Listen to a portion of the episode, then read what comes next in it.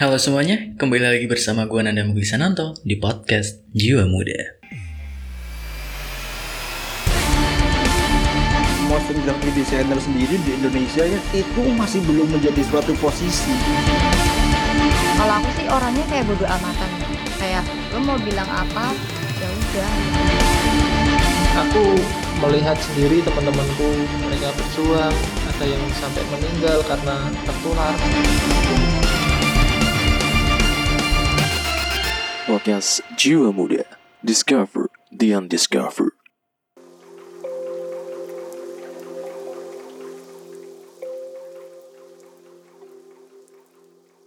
Yes, seperti di judul yang lo lihat, episode kali ini bakalan ngebahas mengenai kota Salatiga dan mengapa kota Salatiga bisa dinobatkan menjadi kota paling toleran se-Indonesia versi Setara Institute.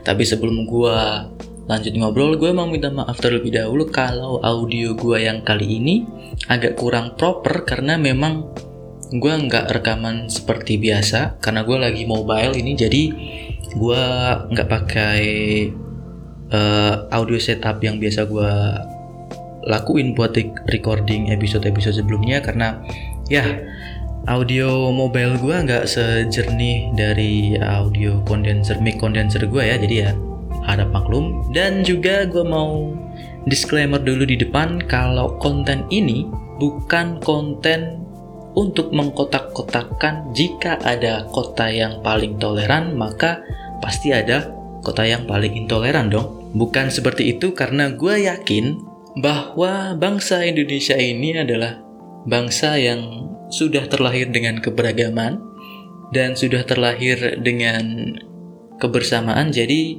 toleransi bagi bangsa Indonesia ini adalah sebenarnya udah jadi akarnya dari bangsa ini. Jadi gue harap lo nggak ada yang punya pemikiran-pemikiran macam itu tadi ya. Kalau ada kota yang paling toleran berarti ada kota yang paling intoleran dong. Nggak seperti itu dan konten ini bukan untuk hal yang semacam itu. Gitu ya jadi so let's go. Sebagai putra daerah dari kota Salatiga, gue tentu bangga dong ketika gue ngerti dengar kabar bahwa kota Salatiga dinobatkan sebagai kota paling toleran se-Indonesia versi Setara Institute. Dan hal itu memang nggak berlebihan karena itu yang emang gue rasain selama gue hidup di Salatiga dan gede di Salatiga gitu. Jadi gini teman-teman, Setara Institute eh, beberapa tahun ini kan agak naik namanya karena dia eh, memposting beberapa eh, memposting mengenai kota-kota paling toleran di Indonesia gitu selama beberapa tahun ini. Nah di tahun ini di awal tahun ini em, Setara Institute kembali merilis mengenai kota paling toleran di Indonesia. Kebetulan kota Salatiga merupakan kota dengan skor toleransi tertinggi menurut Setara Institute. Nah apa sih yang membuat Setara Institute itu menobatkan Indonesia sebagai kota paling toleran? Ternyata Setara Institute punya variabelnya dalam melakukan penilaian ini gitu. Nah, variabel-variabel ini yang bakalan gue bahas di episode kali ini.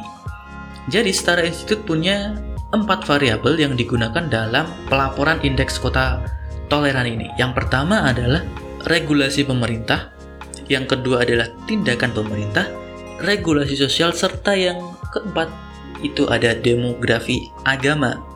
Nah, gue bakalan ngebahas mengenai empat variabel ini aja sesuai dengan apa yang dirilis sama Setara Institute ya. Jadi, gue nggak akan jauh-jauh dari empat variabel ini dalam episode ini yang bakalan gue breakdown satu persatu ntar buat gue sajiin ke lu semua gitu. Oke, langsung kita mulai aja mungkin ya dari variabel yang pertama mengenai regulasi pemerintah. Gua adalah salah satu putra daerah yang lahir dan besar di kota Salatiga. Dan selama gue hidup di sana memang suasananya tuh nggak pernah ada hiruk pikuk atau krisis yang macem-macem mengenai konflik-konflik dan lain-lain itu selama gue 23 hampir 24 tahun hidup ini gue nggak pernah ngerasain konflik yang gede-gedean gitu di Salatiga entah kenapa gue juga nggak tahu. Nah mengenai regulasi pemerintahnya gue mungkin bakalan bahas em, agak sedikit ke sini aja gitu ya. Karena kita masih di masa-masa pandemi.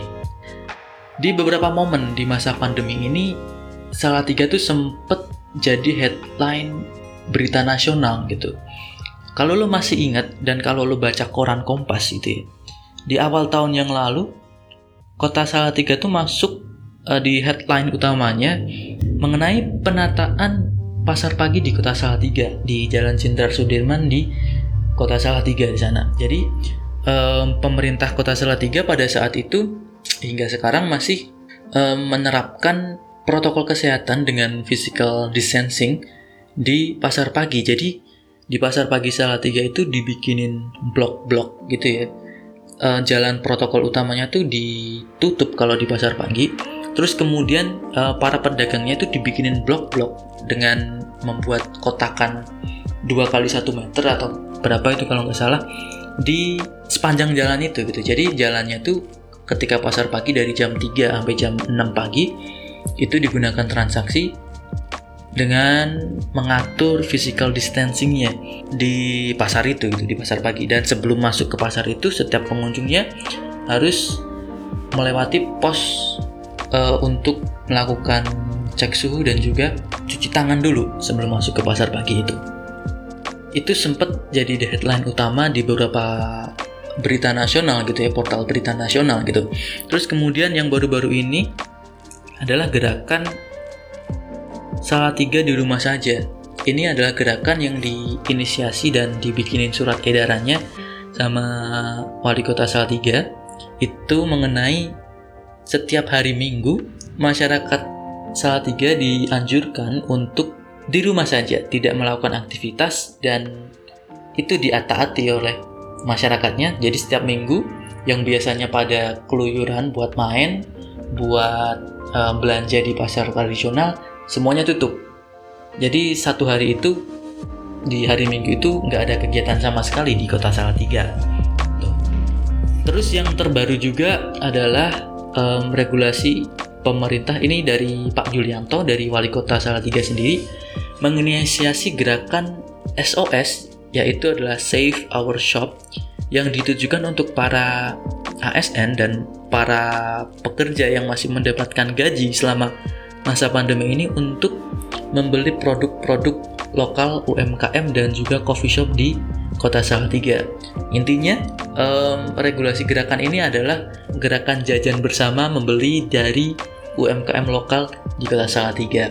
Dan ini adalah regulasi-regulasi yang pemerintah yang menurut gua menambah kebersamaan gitu. Cara merawat kebersamaan dan keberagaman di Kota Salatiga karena kita sedang dalam masa krisis, pemerintahnya pun mengeluarkan regulasi berdasarkan sense of crisis gitu. Jadi ini adalah regulasi pemerintah yang menurut gua salah satu cara untuk merawat kebersamaan dari Kota Salatiga dan juga untuk merawat keberagaman yang di Kota Salatiga gitu.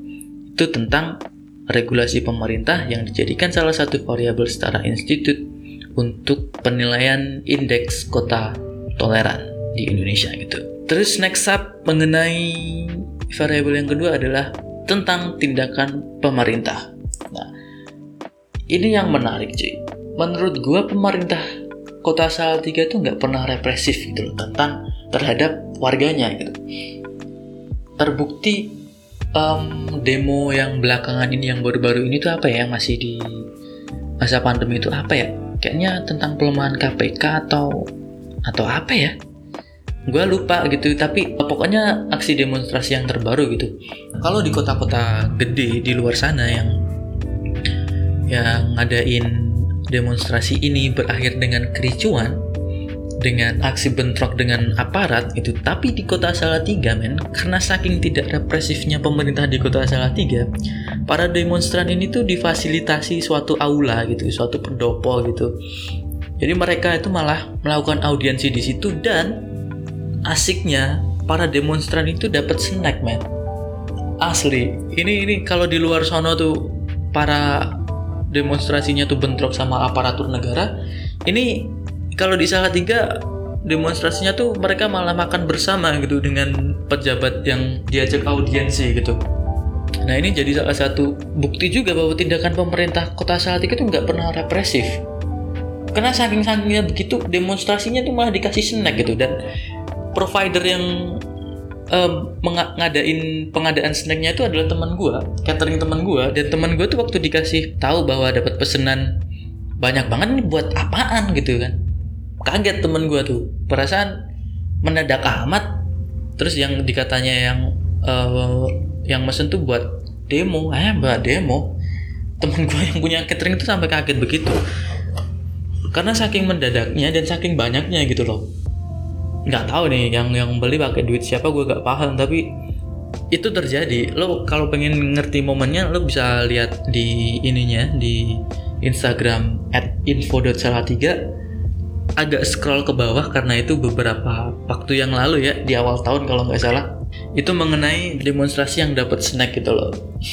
Jadi perbandingannya di luar kota Salatiga itu pada bentrok pada anarkis gitu di kota Salatiga malah makan bareng sama penjabatnya gitu. Dah nggak tau lah itu salah satu bukti bahwa tindakan pemerintah di kota Salatiga itu nggak nggak represif. Itu yang yang pengen gue highlight adalah eh, tindakan pemerintahnya yang nggak represif itu sih kita lanjut ke variabel yang ketiga mengenai regulasi sosial. Nah ini kalau bicara regulasi sosial ini tuh agak kompleks ya karena regulasi sosial itu kan berisi tentang konsensus-konsensus peraturan tidak tertulis yang ada di masyarakat gitu kan yang beredar di masyarakat dan gue nggak tahu nih mengusutnya tuh dari mana gitu kan karena banyak sekali konsensus-konsensus yang beredar di masyarakat dan gue nggak ngerti asal usulnya dari mana gue dari orang pun udah begitu udah ada gitu ya. Tapi yang bisa gue rasain men regulasi sosial di kota Salatiga itu memang tidak memberikan ruang kepada konsep-konsep radikalisme itu untuk berkembang gitu. Terbukti sampai sekarang tuh nggak ada ormas-ormas yang dicap radikal. Gue sebut aja macam HTI terus kemudian FPI itu berdiri kantor cabangnya tuh di kota Salatiga. Entah kenapa tapi karena gue rasa emang nggak bisa gitu loh men. Sempet kan beberapa kali itu gue pernah dengar kisahnya bahwa em, HTI dan FPI itu pengen mendirikan em, kantor perwakilan gitu di kota Salatiga. Tapi ketika mereka mencoba untuk menjaring simpati masyarakat mereka tuh nggak bisa gitu. Karena masyarakat kota Salatiga tuh nggak nggak apa ya nggak nggak tertarik dengan hal begituan gitu loh. Nggak ngerti bagaimanapun juga gua nggak nggak nggak- bisa jelasin gitu karena emang begitu. Gua nggak mengerti gitu. Gue punya pengalaman gue ceritain pengalaman gue aja. Gue waktu zaman zaman SMK circa 2015an gitu ya 2015 itu gue ikut kaderisasi suatu organisasi. Organisasi ini tuh bukan organisasi radikal namanya PII Pelajar Islam Indonesia gitu. Gue ikut kaderisasi ini dan awalnya enjoy aja gitu. Kaderisasi kan enjoy gitu ya.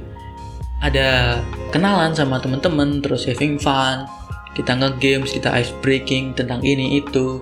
Kita sharing-sharing kita makan bareng kita tuker nomor gitu. Biasa kan tentang pengkaderisasian kayak gitu. Cuman tiba di suatu masa ini ini yang menurut gue jadi kesalahan nih kesalahan dari panitia kaderisasi ini. Pada suatu masa gitu di di di periode kaderisasi itu ya jam 3 pagi kita dibangunin gitu kan untuk ikut suatu seminar. Ini kayaknya tuh yang semacam pengukuhan gitu loh.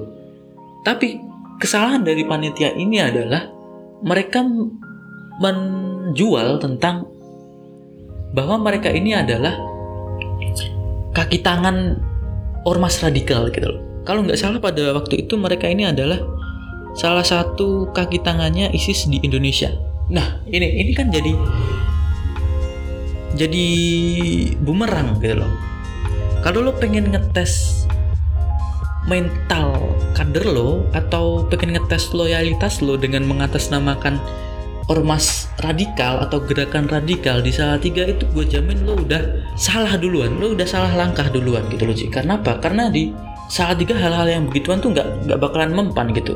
Terbukti setelah mereka panitia ini tuh mendeklarasikan diri mereka adalah kaki tangan ISIS itu pengkaderisasian ini tuh gagal total karena kader-kadernya tuh nggak ada yang jadi kader gitu loh karena mereka mengusung konsep radikalisme ini. Ya niatnya buat ngetes loyalitas gitu kan. Cuman kalau lo ngetes loyalitas dengan mengusung konsep radikalisme di kota Salatiga gue jamin lo udah salah langkah duluan gitu.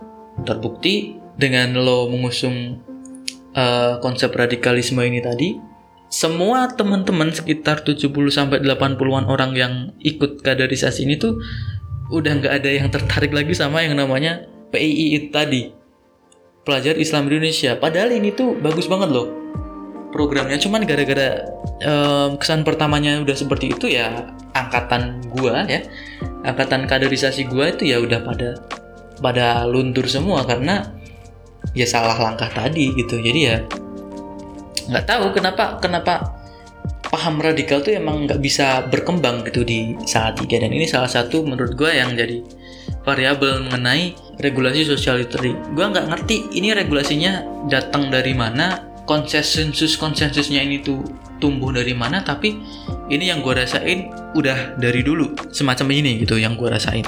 Nah terus yang keempat adalah variabel mengenai demografi agama. Menurut gue ini adalah variabel yang paling gamblang gitu ya bahwa nggak cuma di tiga di seluruh Indonesia kita udah tahu bahwa nggak cuma satu agama doang yang ada di Indonesia pun begitu yang ada di tiga demografi agama di tiga itu emang benar-benar plural gitu ya. Kalau lo ngerti ada UKSW Universitas Kristen Satya Wacana di sana tuh banyak banget. Ini tanjuknya adalah Universitas Kristen gitu ya tapi yang masuk ke sana tuh banyak kan teman-teman muslim gue gitu. Padahal di Salatiga juga ada IAIN gitu ya Institut Islam Agama Negeri Agama Islam Negeri gitu. Tapi kebanyakan masih masuk ke UKS gitu teman-teman gue yang muslim. Dan kita fine fine aja gitu. Ini adalah salah satu uh, variabel yang menurut gue paling bisa terlihat bahwa keberagaman di Salatiga itu memang terawat dan memang memang dirawat gitu. Bahwa kalau bicara tentang demografi agama gua sejak SD pun udah bergaul sama teman-teman non Islam gitu baik yang Kristen, Hindu, Buddha. Dan semakin um, semakin kental pertemanan gua tuh ketika gua di SMK ada teman-teman gue yang dari Hindu dan juga Buddha di samping teman-teman Kristen dan Katolik ya. Kita tuh bisa have fun, bisa hang out bareng itu nggak nggak nggak apa namanya nggak mempermasalahkan agama kita masing-masing gitu. Karena nggak tahu ya kenapa bisa begitu teman-teman yang non is itu juga mereka punya sense of belonging juga terhadap kita yang muslim gitu ketika kita lagi main gitu ya hang out gitu. Ketika azan berkumandang tuh teman-teman yang non is udah lo sholat dulu aja sono sampai begitu itu yang ngajarin siapa gue juga ngerti waktu teman-teman yang lagi teman-teman nonis yang lagi ada upacara keagamaan gitu maksudnya ada hari besar gitu kan biasanya mereka masak-masak terus mereka open house gitu. Ya kita yang Islam-Islam ini yang non non agama mereka diundang buat makan-makan dan ya having fun bareng gitu di rumah mereka kita bicarain ini itu. Nggak ada sentimen-sentimen agama yang kita sentil gitu nggak nggak pernah ada gitu. Dan itu bagus banget. Ketika halal bihalal gitu idul fitri gitu di lingkungan RT semuanya tuh dirangkul bareng-bareng. Semua agama tuh diundang ketika di halal bihalal itu. Diajak makan bareng gitu. Ada tausiah dari pak ustadznya tapi kan uh, ini tentang tausiahnya tuh tausiah umum gitu loh baik yang bisa jadi bisa diterima di seluruh agama gitu. Pun begitu ketika Natalan gitu gue diundang ke yang rayain Natal gitu. Tentu gue nggak ikut ibadahnya gue ikut makan makannya doang sama silaturahmi sama mereka gitu sama pemeluk agama mereka yang lain gitu. jadi kerukunan ini tuh udah serekat itu. Serekat bahwa kita tuh saling bersaudara kita bisa berdampingan hidup berdampingan dengan um, semacam ini. Jadi hari besar agama lain itu udah kita anggap jadi hari besar agama kita sendiri. Saking-sakingnya kita deket banget di kota Salatiga ini mengenai demografi agama. Dan ya itu menurut gue variabel yang paling jelas, paling kentara gitu ketika lo bicara tentang demografi agama ya Salatiga bisa jadi contoh. Kita bisa hidup berdampingan gitu. Secara di alun-alun Salatiga aja bagian baratnya ada masjid bagian timurnya ada gereja. Itu kalau dulu dulu nih kita bicara dulu ya. Kalau ada misa Natal waktu Natal dan Idul Fitri itu bersamaan tuh. Keren banget sih. Wah gua kangen tuh jadian.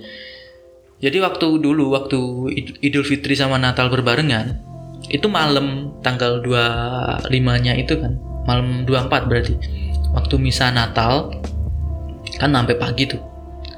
Nah, sampai pas waktu paginya itu mereka berhenti sejenak. Nih teman-teman dari Kristiani mereka berhenti sejenak buat adzan subuh dan juga untuk eh, persiapan teman-teman Muslim itu sholat Idul Fitri, sholat Id. Nah, teman-teman yang Kristen ini berhenti dulu.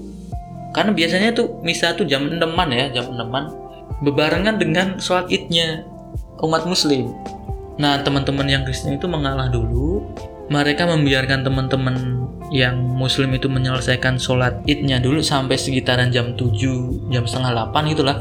Setelah teman-teman yang Islam ini itu menyelesaikan sholat idnya, mereka tuh menyalami dulu. Mereka sempat salaman dulu, mengucapkan selamat Idul Fitri dulu gitu. Ini yang di komplek alun-alun kota itu ya. Jadi yang teman-teman nonis itu selesai balik itu disambut sama teman-teman yang Kristen yang persiapan mau bisa Natal gitu. Jadi mereka teman-teman Islam pulang, teman-teman Kristen menyambut sembari uh, menunggu waktu untuk mereka misa gitu. Dan itu suatu hal yang indah banget yang gue kangen banget. Sayangnya nggak bisa kita rasain selama masa pandemi ini. Jadi ya ya dinikmatin ini cuman bisa ngebayangin dulu yang udah-udah gitu ya.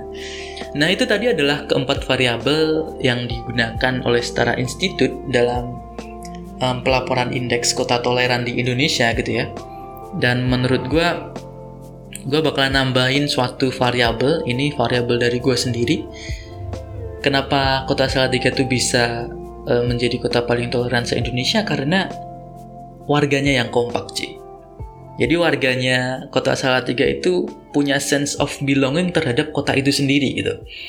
Terbukti dengan regulasi pemerintah, regulasi pemerintahnya yang ketika dikeluarkan kota Salatiga itu warganya tuh dengan sukarela mentaati regulasi pemerintah itu gitu loh. Nah ini kalau nggak ada sense of belongingnya itu nggak bakalan terjadi di kota Salatiga ini.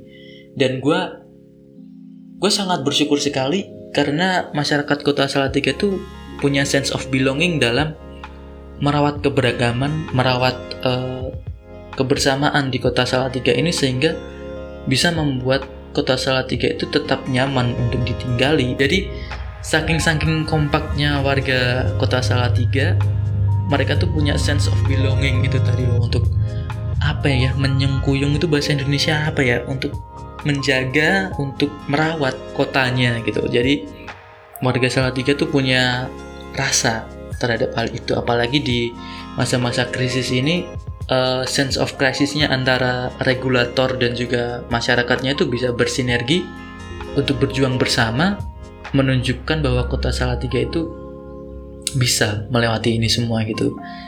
Dan gue kira itu aja yang bisa gue sampaikan di sini. Gue harap lo paham, gue harap lo ngerti, dan gue harap lo menjadikan ini tuh sebagai motivasi dan inspirasi gitu loh bahwa kota kecil Salatiga aja tuh bisa gitu loh. Kenapa kita nggak di mana pun lo berada nggak nggak nggak memandang lo tuh lagi di kota besar atau di kota kecil gue harap ini tuh sebagai motivasi dan inspirasi untuk diri lo sendiri gitu loh. Bahwa ternyata ada ya sebuah kota yang regulator dan masyarakatnya itu bisa berjalan berdampingan sehingga mewujudkan suatu kota yang layak huni, layak tinggal dan dan masyarakatnya tuh bangga terhadap kotanya gitu. Bahwa ya kita ini adalah kota gua dan gua berperan dalam menjaga keberlangsungan dan kelestarian dari kota ini. Dan itu adalah salah tiga contohnya. Gitu aja yang gue bisa sampaikan di sini mengapa kota Salatiga itu bisa jadi kota paling toleran menurut Setara Institute karena empat variabel itu tadi yang udah gue breakdown dan semoga ini bisa jadi inspirasi dan motivasi lo untuk tetap merawat kebersamaan, menjaga kebersamaan, merawat keberagaman, dan terus meningkatkan toleransi bagi Indonesia untuk Indonesia yang lebih baik. Terima kasih atas atensi lo sampai detik ini. Gue mohon maaf apabila ada kesalahan kata, kesalahan pengucapan, dan kesalahan-kesalahan yang lainnya karena kesempurnaan itu hanya milik Tuhan. Terima kasih, gue Nadam Kristananto. As always, I'm signing out.